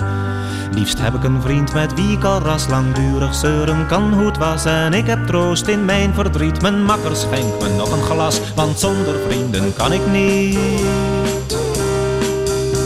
Raar is het leven, toch ik hou al niet zoveel van alcohol. Maar uitgerekend om een vrouw sla ik naar binnen tot ik vol en snikkend van de bitterlol. Subiet in slaap val in een stoel, daar vindt een vriend mij, ruimt mijn boel. Ik wankel, prevel, vals een lied, omdat ik me toch gelukkig voel. Want zonder vrienden kan ik niet. Bedrogen ben ik vaker wel, ook heb ik meer een vrouw bemind. Uit ging het steeds maar aan die hel. Denk toch een mens als het begint. Een man blijft toch altijd een kind. Wie droomt niet van het paradijs? Ineens wordt niemand oud en wijs. Je krijgt voor vreugde vaak verdriet. Niet over rozen gaat de reis, maar zonder vrienden kan ik niet. Laat mij maar schuiven, want ik red er toch nog altijd wel iets van. Nu prins, verhoor dan dit gebed. Neem alles als het niet anders kan. Alleen mijn vrienden laat die dan. Er blijft mij anders niet zo heer rampzaliger, kan toch niet meer. Terwijl u mij in tranen ziet, zweer ik desnoods, ik drink niet meer. Maar zonder vrienden kan ik niet. Boudewijn de Groot en zonder vrienden kan ik niet. Lia van Beckhoven. Geldt dat ook voor jou? Absoluut. de reden waarom ik dit nummer koos. ja, is nee. Het, is, het, is het moeilijk vrienden maken in, eh, in Londen? Helemaal niet. Nee? Helemaal niet. Het is heel, moeilijk, eh, het is heel makkelijk uh, wortelschieten in, ehm, in Londen. Ehm, ja, ik heb veel vrienden. Ik vind vrienden natuurlijk, vindt iedereen vrienden belangrijk. Maar ehm, ja, ik hecht daaraan. Uh, ze leren mij hoe ik moet leven. Ja. En ze komen uit alle klassen? Ze komen uit alle klassen, ze komen uit alle delen van de wereld. Hè, Londen is toch een hele diverse mm. stad. Um, uh, inderdaad, het soort vrienden dat je hebt in Groot-Brittannië is daarom per definitie anders. Ik bedoel, in Nederland zitten mijn vrienden in ongeveer dezelfde hoek van werk, um, ongeveer hetzelfde inkomensniveau, gaan ongeveer op dezelfde plek op vakantie. Hè. Er is een soort van eensgezindheid, laten we zeggen de grote Nederlandse middenmoot, middenklasse. Terwijl in Engeland heb ik vrienden die in de bak gezeten hebben. Ik heb vrienden die multi-multimiljonairs zijn, waarvan er één mijn huis een keer gekocht heeft. Ik heb vrienden die um, uh, beroepsschokker zijn. Um, het ligt veel, veel, veel verder uit elkaar. Het is daarom ook wel interessant. Vrienden waarmee je op café gaat en heel veel tuurlijk, alcohol verzet? Tuurlijk. Want hoe zit dat met alcohol en, en de Britten tegenwoordig? Hoe bedoel je, hoe zit dat met alcohol en Britten tegenwoordig? Je weet gaat, hoe dat gaat zit. Het beter? Je weet hoe dat zit. Ik bedoel, die Britten die, ja, die drinken anders dan wij. Ik, eh, ze lachen me uit als ze zien uh, dat ik een klein bodempje witte wijn in de koelkast heb. Ik bedoel, als in Engeland de fles open gaat, dan moet die leeg. Uh, zo, zo leven ze. Een Brit zal altijd te ver gaan. Kijk, ze weten dat het veel Waar beter is dan vandaan? twee Bacardi Brises te drinken dan vijftien. Maar weet je wel, dat doen mensen die, die, die rechts rijden, die op het continent wonen. In Engeland doe je dat niet. Je gaat te ver, je zakt door. En waar komt dat vandaan? Waar komt dat vandaan? Uh, ja, ik, ik weet het niet waar dat vandaan komt. Maar het is inderdaad typisch uh, Brits, typisch eigens. Maar het is ook, ja, je kunt erover speculeren. Maar het is ook typisch toch voor een bepaalde leeftijd. Niet zozeer klasse. Mhm. Want iedereen uh, zuipt, zoop te veel. Ik bedoel, van Winston Churchill tot mijnwerkers. de Queen Mom, hè, die kon een industriële hoeveelheid drank aan per dag. Als je aan de Queen Mom vroeg hoe laat het was, dan was het altijd gin o'clock. Um, dus de, de koninginmoeder. Dus uh, dat gaat voor iedereen op, die, uh, die vlieger. Maar wat wel opmerkelijk is, is dat de jonge generatie minder drinkt. Ja? Ja. ja. Dat, Merk je dat, dat bij jouw zonen bijvoorbeeld? Ja, mijn zoons zijn niet zo gek veel geïnteresseerd in, uh, in alcohol. Mm-hmm. Ja. Ja, wat is er van hen geworden ondertussen? Wat is er van hen geworden? Nou, ze zijn nog bezig te worden.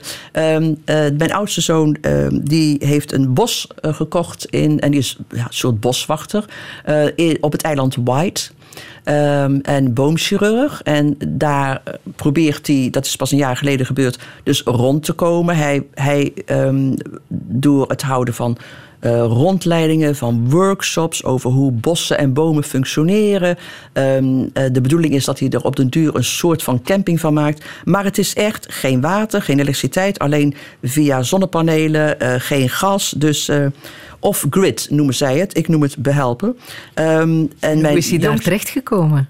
Hoe is hij daar terechtgekomen? Ja, hij heeft heel lang gezocht naar iets waar hij een deel van uh, zijn geld wilde investeren. Wat geld dat zijn vader hem na heeft gelaten. Uh, mijn man is uh, bijna drie jaar geleden overleden, overleden. En heeft besloten om dat daarin te investeren.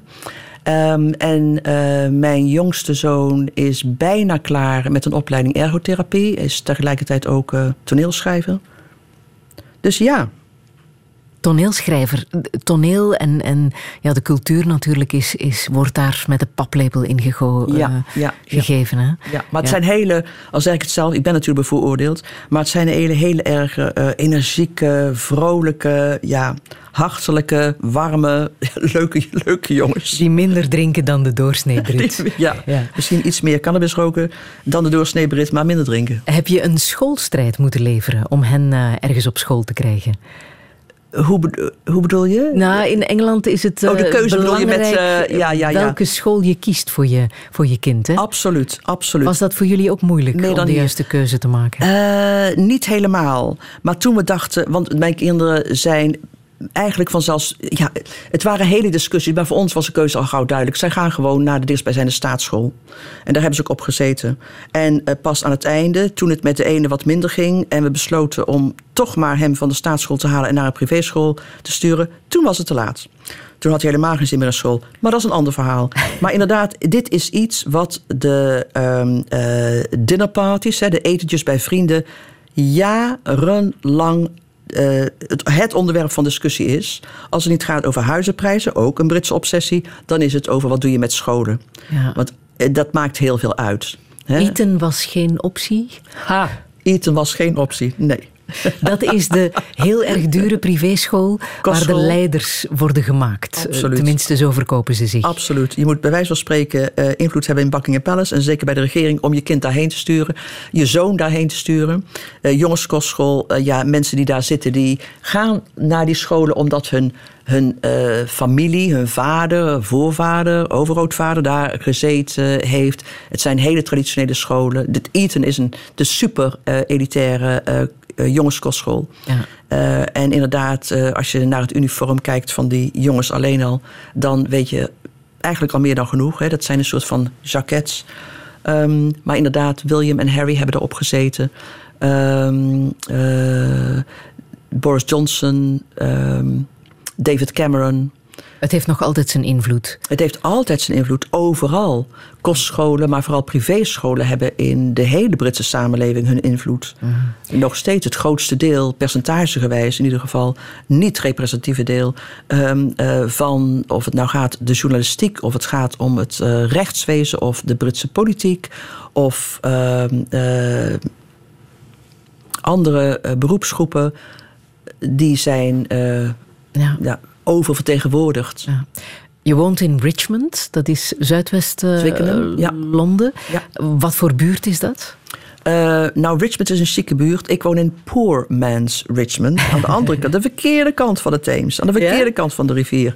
Ja, ja, ja. ja. Nou, het is een beetje een, een saaie, groene eh, buitenwijk. Wel geografisch goed gelegen en fysiek heel mooi. Met parken, niet zo gek ver van de Theems inderdaad. En hoe daar terecht gekomen? Via vrienden eigenlijk. Via vrienden die eh, daar woonden. En wij zochten, wij woonden toen meer in het centrum van Londen. Onze eerste zoon was geboren. En ja, dan maakt het niet meer zo gek veel uit hoe goed de wijnbars zijn. En hoe geweldig de kroegen en hoe je uit kan gaan. Maar dan zoek je toch meer naar groene plekken waar je kind mee toe kan nemen. Naar goede scholen, hè, naschoolse opvang, dat soort dingen.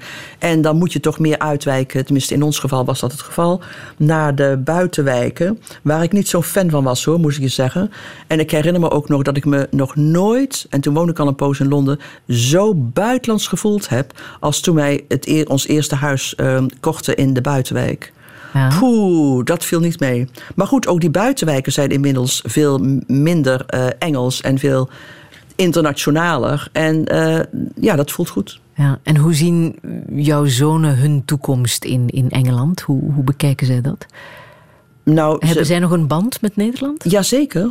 Ja, ja, ja. Dat, die hebben ze zeker. Ja, wij zijn Maar ze blijven wel ook in, eh, in Ja, ja, ja, ik denk het wel. Ik denk het wel. Eh, voorlopig wel. Ja, hun korte termijnplannen zijn zeker om in Groot-Brittannië te blijven. Maar ze identificeren zich sterk met, eh, met Nederland. Eh, ja. Ze vinden ook dat ze Nederlands spreken. Ze vinden zelfs dat ze eh, vloeiend Nederlands spreken. En is dat kunnen zo? ermee nog over verschillen. Ja. Birds flying high, you know how I feel. Sun in the sky, you know how I feel. Breeze drifting on by, you know how I feel. It's a new dawn, it's a new day. It's a new life for me, yeah. It's a new dawn, it's a new day. It's a new life for me. Woo, woo, woo, woo and I'm feeling good.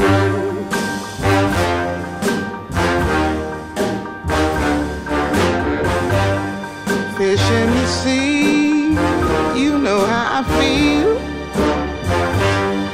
River running free, you know how I feel. Blossom on the tree, you know how I feel. It's a new dawn, it's a new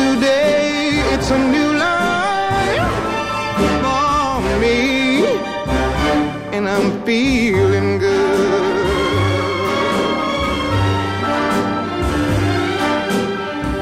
Dragonfly out in the sun, you know what I mean, don't you know?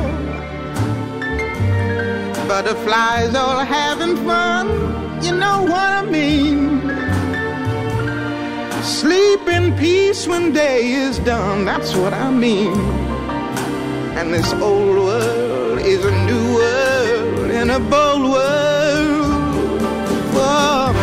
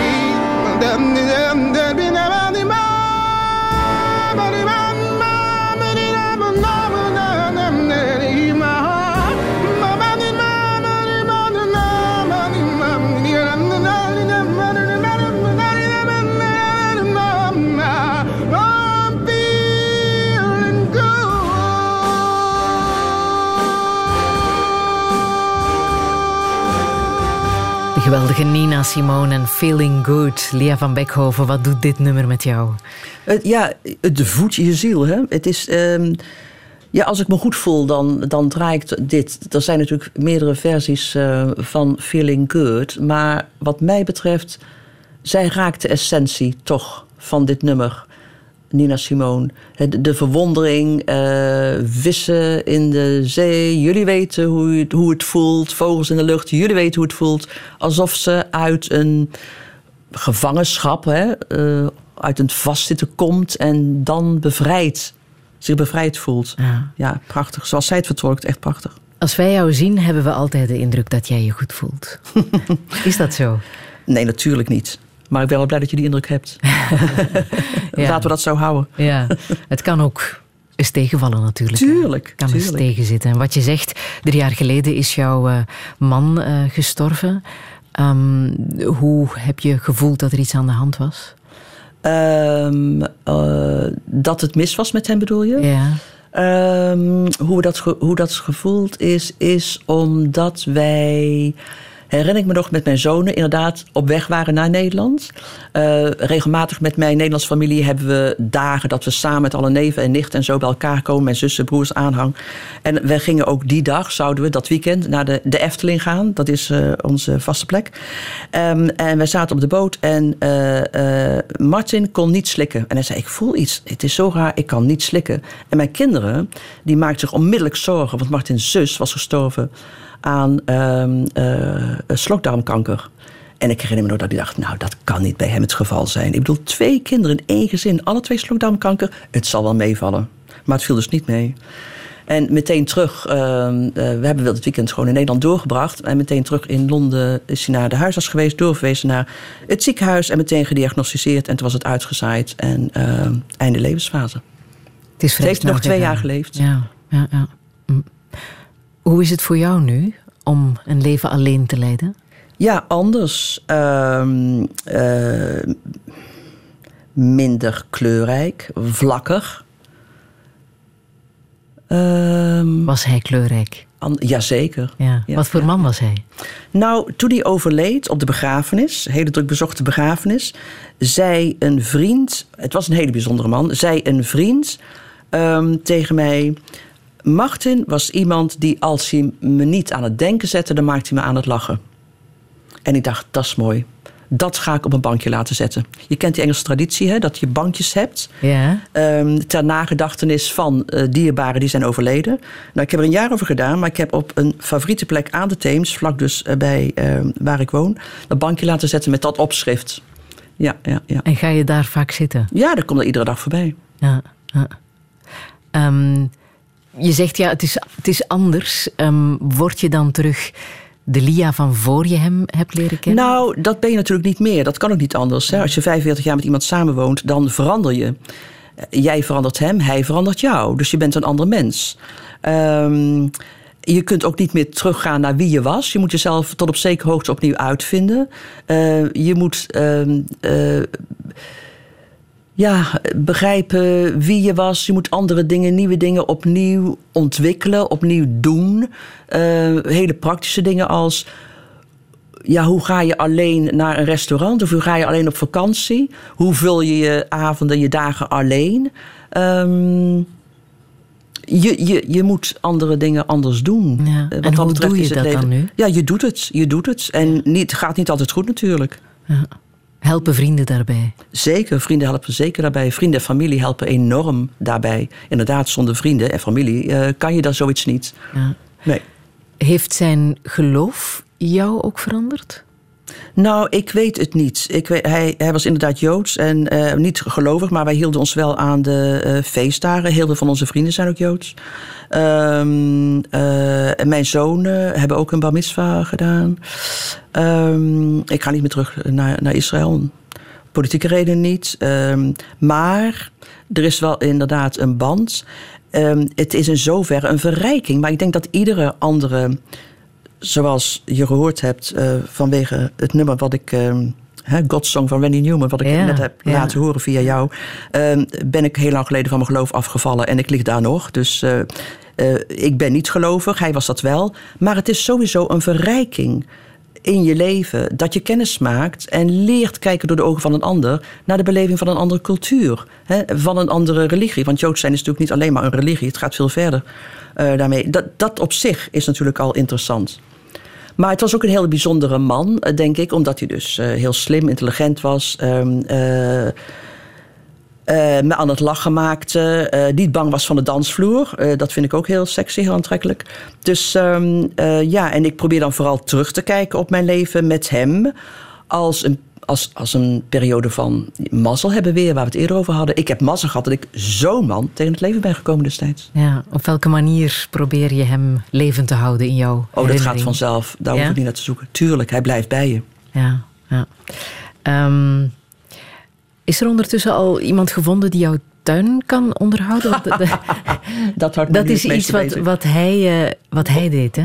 Al die onkruid. Oh. Maar, ik denk, hij lacht zich dood als hij, me, als hij me ziet tobben met eh, tomatenplantjes. Want mijn zoon, een van mijn zonen vindt dat ik echt eh daar aan moet. Dus heeft me allerlei tomatenzaadjes gebracht. En ach god, ik probeer die dingen inderdaad in potjes te krijgen en af en toe water te geven. Maar ik vergeet het voor het grootste deel van de tijd. Nochtans, dat is heel erg Brits, hè? Die liefde voor, voor de tuin. En ik wil maar zeggen, als iets bewijst dat ik het niet ben, dan is het dat. Ja. Ik blijf toch Nederlandse. Ja, die Nederlandse groene Londense, vingers, het, zal niet meer komen, die groene nee, vingers. te laat, te laat.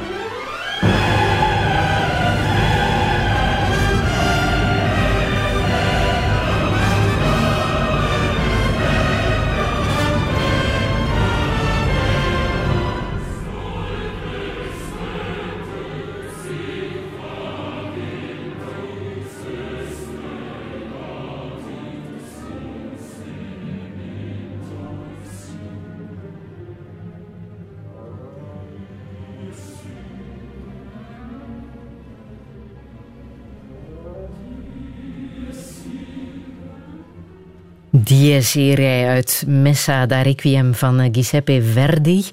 Ehm, met een eh, hoofdrol voor het koor, Lia van Beckhoven. Het is muziek die bij jou eh, toch wel belangrijk is, hè? Ja, maar dit niet. Ik moet je zeggen, dit was dus een van die eh, requiems die, die ehm, mij... Wat is het meervoud van requiems? Requia, requiem? Goeie vraag. Zoek hem op. Maar goed, een van die requiems die dus eh, mijn moeder zong met haar koor. Maar ik moet je zeggen, het was niet aan mij besteed. Het was decennia lang niet aan mij besteed. Ik hoorde het, hè. Ik hoorde haar meezingen. ehm, Maar zij eh, zong in zo'n koor en Ja, zij heeft precies. dit ooit gezongen. Ja, en dan wilde na de hand denk ik, dacht ik ook... ehm, eh, god, ik had veel vaker met haar naar die uitvoeringen moeten gaan. Ik had ehm, eh, daar veel meer aandacht aan moeten besteden. Daar veel meer interesse moeten tonen, wat ik natuurlijk niet deed. Maar goed... Ehm, op veel latere leeftijd, eigenlijk pas vrij recentelijk, ben ik, ben ik dit soort muziek en deze rekening met name gaan eh, waarderen. Dus het is nog niet helemaal te laat. Ja. Ze is bijna zo oud geworden als de Queen, jouw moeder. Ja, ja, ja, ja bijna 96. Ja, dat belooft voor Een jou. week voor haar 96 is overleden. Ja, Ja, ja, ja, ja, ja. Want jij wordt er volgend jaar 70. Ja. Wat ga je daarmee doen? Nou, ik ga niet dit soort muziek draaien, dat kan ik je wel vertellen. ik ga zeker eh, feest organiseren waar er gedanst moet worden. Echt een dansfeest. Ik wil een rock and roll eh, feest. Dat zeker. En verder zijn, heb ik nog geen plannen. Ja. Maar je blijft ook correspondent, hè? Je, je blijft volhouden, hè? Ja, het is geen volhouden voor mij. Ik blijf gewoon doen wat ik altijd doe. Ja, ik krijg die vraag eh, natuurlijk eh, vaker, maar ik kan je daar geen gewoon antwoord op geven. Ik bedoel, waarom zou ik nu anders zijn, anders in het leven staan eh, eh, dan ik 30 jaar, 20 jaar geleden was? Ik heb nog steeds dezelfde interesses, ik woon op dezelfde plek. Ik vind het Verenigd Koninkrijk nog steeds even leuk. Ik vind dat ik een van de aardigste banen heb die je in Londen kan hebben. Eh, waarom zou dat nu omdat ik volgend jaar 70 word, ineens anders zijn. Ja, sorry hoor, je begrijpt het niet. Ja, je zou met pensioen kunnen gaan, bijvoorbeeld, maar Waarom? dat is geen optie. Ja, kijk maar naar Paul McCartney. Toch? De, Queen zit ook nog, de Queen zit ook nog op de troon. Ja. Dus nee, ik ga nog even verder. Zolang men mij wil, eh, ben ik beschikbaar. Ja. Maar zo'n job als correspondent ter plaatse, voelt hij ook niet een beetje bedreigd met de sociale media, die overal eh, en altijd verslag uitbrengt? Nou, ik weet het niet. Ik, ik, ik twitter ook eh, veel. Ehm, ja, ik doe blogs. ehm, eh, Want er zijn veel mensen natuurlijk hè, die op Tuurlijk. een bepaald moment correspondent ter plaatse zijn. Tuurlijk, ook dat bedoel je. Ja. En die correspondenten zijn voor sociale media. Ja. ik denk dat dan toch, ehm, en het onderscheid wel duidelijk wordt tussen mensen die ja, wat ervarener zijn en op een, laten we zeggen, wat meer beroep, vanuit hun beroep het correspondentschap uitoefenen en zij die dat doen als een hobby en daar vaak ook een bepaalde boodschap bij hebben. Ja. Die eh, veel meer geneigd zijn één kant op te gaan, één richting uit te slaan, omdat ze dus iets de wereld in willen sturen. Een boodschap. En dat heb ik toch minder. Ik praat heel graag en heel vaak, zoals je waarschijnlijk gemerkt hebt, over het Verenigd Koninkrijk, omdat ik daarin geïnteresseerd ben. Ehm, eh, en ik hoop ook zoveel mogelijk, en dat lukt me niet altijd, dat weet ik, alle kanten te laten zien. Ja. Terwijl mensen die bezig zijn op, socia- op sociale media en die een interesse hebben in het Verenigd Koninkrijk, dat doen meer vanuit één bepaalde visie. Wat verwacht je nu voor de toekomst van het Verenigd Koninkrijk? Nou, ik heb geen idee. Het kan alle kanten op. En dat is ook zo interessant van de periode. Daarom heb ik ook dat boek Klein-Brittannië geschreven. Van de periode waarin de Britten nu zitten. Op de korte termijn denk ik niet dat Boris Johnson nog heel lang kan aanblijven.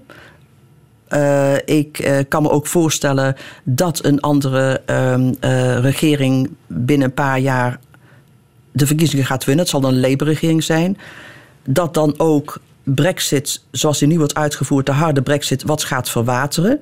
Maar het gaat nog decennia duren voordat het Verenigd Koninkrijk aanspraak kan maken op een aanvraag tot terugkeer tot de Europese Unie. Als dat er ooit van zal komen, bijvoorbeeld.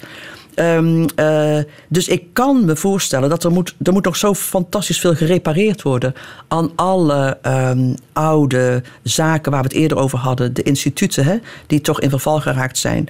Interessant vond ik wel bijvoorbeeld dat vandaag een corrivee uit de oppositie Labour-partij vond dat er nu echt gepraat moet worden over evenredige kiesvertegenwoordiging.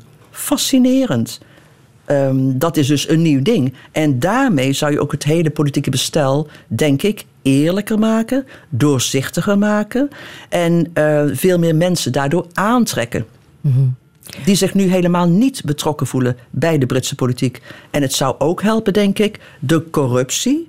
eh, die nu plaatsvindt eh, in Londen, gepleegd door de elite, af te remmen. En het politiek bestel wat eerlijker maken. Dit is één stap. Dit zou één stap zijn op weg naar modernisering. En de Royals, hoe eh, gaat het daarmee evolueren, denk je? Ook dat wordt allemaal kleiner. Hè? Ja? Ik denk dat de relevantie van de Royals gaat afnemen. Ik bedoel, dat kan ook niet anders als je een 4, 5, 6, 7, 77-jarige eh, troonopvolger als prins Charles eh, gaat hebben in eh, Buckingham Palace. Eh, die, die man heeft natuurlijk ook zijn generatie gemist. Dus de vernieuwingen die ook daar nodig zijn, die zullen ook beperkt zijn, denk ik. Je merkt nu al bij de gemeente Bestlanden bijvoorbeeld, waarvan er 15, meen ik, de Queen als staatshoofd hebben, die gaan ook afhaken. Die zeggen, ja, wel, wij, wij willen wel bij de gemeente Best blijven behoren, maar wij nemen ons eigen staatshoofd. Wij geloven niet zozeer meer in dat de Queen het allemaal moet doen. Dus het gaat allemaal wat minder worden. Het gaat allemaal wat minder worden. En dus ook het belang van het Verenigd Koninkrijk voor ons. Ja. Waar jij wel altijd heel positief bent over geweest, is eh, de Britse cultuur. Hè? Buiten eh, categorie eh, is, is film, televisie, literatuur, muziek, kunst. Ehm, heb je daar een verklaring voor? Waarom Nou, dat- dat, niveau daar- zo buiten categorie is? Omdat de, de daar meester in zei, we hadden het net even over Glastonbury gisteren. Ja, ja. Dat, dat zegt eigenlijk alles. En kijk naar jou en ik denk ieders eh, interesse in ehm, de Britse cultuur hier in Vlaanderen. Ik bedoel, wij volgen toch heel veel op de voet. Hè? De series kopen wij aan en wij genieten daarvan. Of het nou Midsummer Murders is of Downton Abbey. Ehm, eh, wij, of zeker ook The Crown. Hè? Wij weten dat toch allemaal wel op waarde te schatten. Dus die affiniteit hebben wij, denk ik, met het Verenigd Koninkrijk, juist vanwege wat je nu net noemt. Ja. Al die onderdelen van de Britse cultuur. En heb je er een verklaring voor waarom dat niveau altijd zo Kwal- kwalitatief hoog is kwalitatief geweest? hoog Ja, is. ja. Ja, taal, dat is een lang verhaal, maar eh, de Britten zijn natuurlijk altijd, hebben altijd iets gehad van oudsher eh, met, eh, met taal. Ik bedoel, kijk naar Shakespeare. Iemand heeft wel eens gezegd, ehm, de Britten hebben de cultuur, de taalcultuur van Shakespeare. Wij Nederlands hebben het van de dominee, de, de spreekstoel van de dominee uit de kerk. Ehm, dat is, zoals ze zeggen, historisch zo gegroeid. Ja, Ja. Wat zou jij echt nog willen in het leven? Nou, als ik nog eens nadenk over gisteravond, dan zou ik zeggen: wat ik wil is volgend jaar Glastonbury. En dat Paul McCartney zijn concert speciaal voor jou nog eens overdoet. En iemand die het onkruid uit mijn tuin haalt. Ja. Heb je nog een boodschap die je. Nee, ik ben geen missionaris. Ik heb geen boodschap. Nee. Dit is eh, de laatste touché van eh, dit tiende seizoen. Over zomer doen wij met eh, de mooiste liedjes van Frank van der Linden. En ook met een programma over de Britse, Britse Queen, waar jij zelf ook eh, aan mee hebt gewerkt. Hè. Dat zullen we horen de komende zondagen telkens eh, tussen 11 en, eh, en 12. En eh, zullen we eindigen met eh, Leonard Cohen? Is dat niet een, eh, een mooi einde? Heb je daar een bijzondere band mee? Nou, ik vind het prachtig. Ehm, eh, ik vind het een, eh, een heel mooi lied. eh, Dance Me to the End of Love. Ehm, de originele ehm, aanzet voor hem was eh, Leonard Cohen dat hij ehm, vernam destijds dat in concentratiekampen er orkestjes waren die speelden, die prachtige muziek speelden. Ehm, eh, Dance me to your beauty with a burning violin. En mensen speelden dat wetende dat hun mede-gedetineerden vermoord, vergast, verbrand werden. En dat hen ook datzelfde lot wachtte. En het is natuurlijk ook weer een poëet. Hè? Ik begrijp hem niet altijd, maar ik vind hem wel prachtig.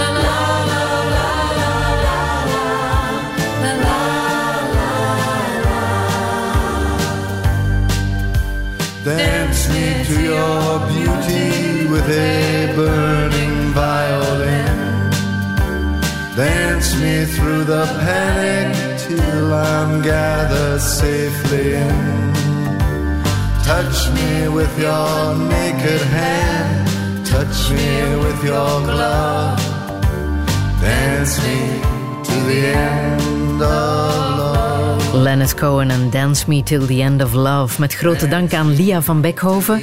Alle info kan je nalezen op onze website radio1.be. Touché gaat er twee maanden tussenuit. Tijd genoeg om al die gemiste afleveringen in te halen. En dat kan via de podcast te vinden via VRT nu. Een fijne, lange en zonnige zomer gewenst. Heb je iets gemist? Je kan Touché herbeluisteren in de app van VRT Nu.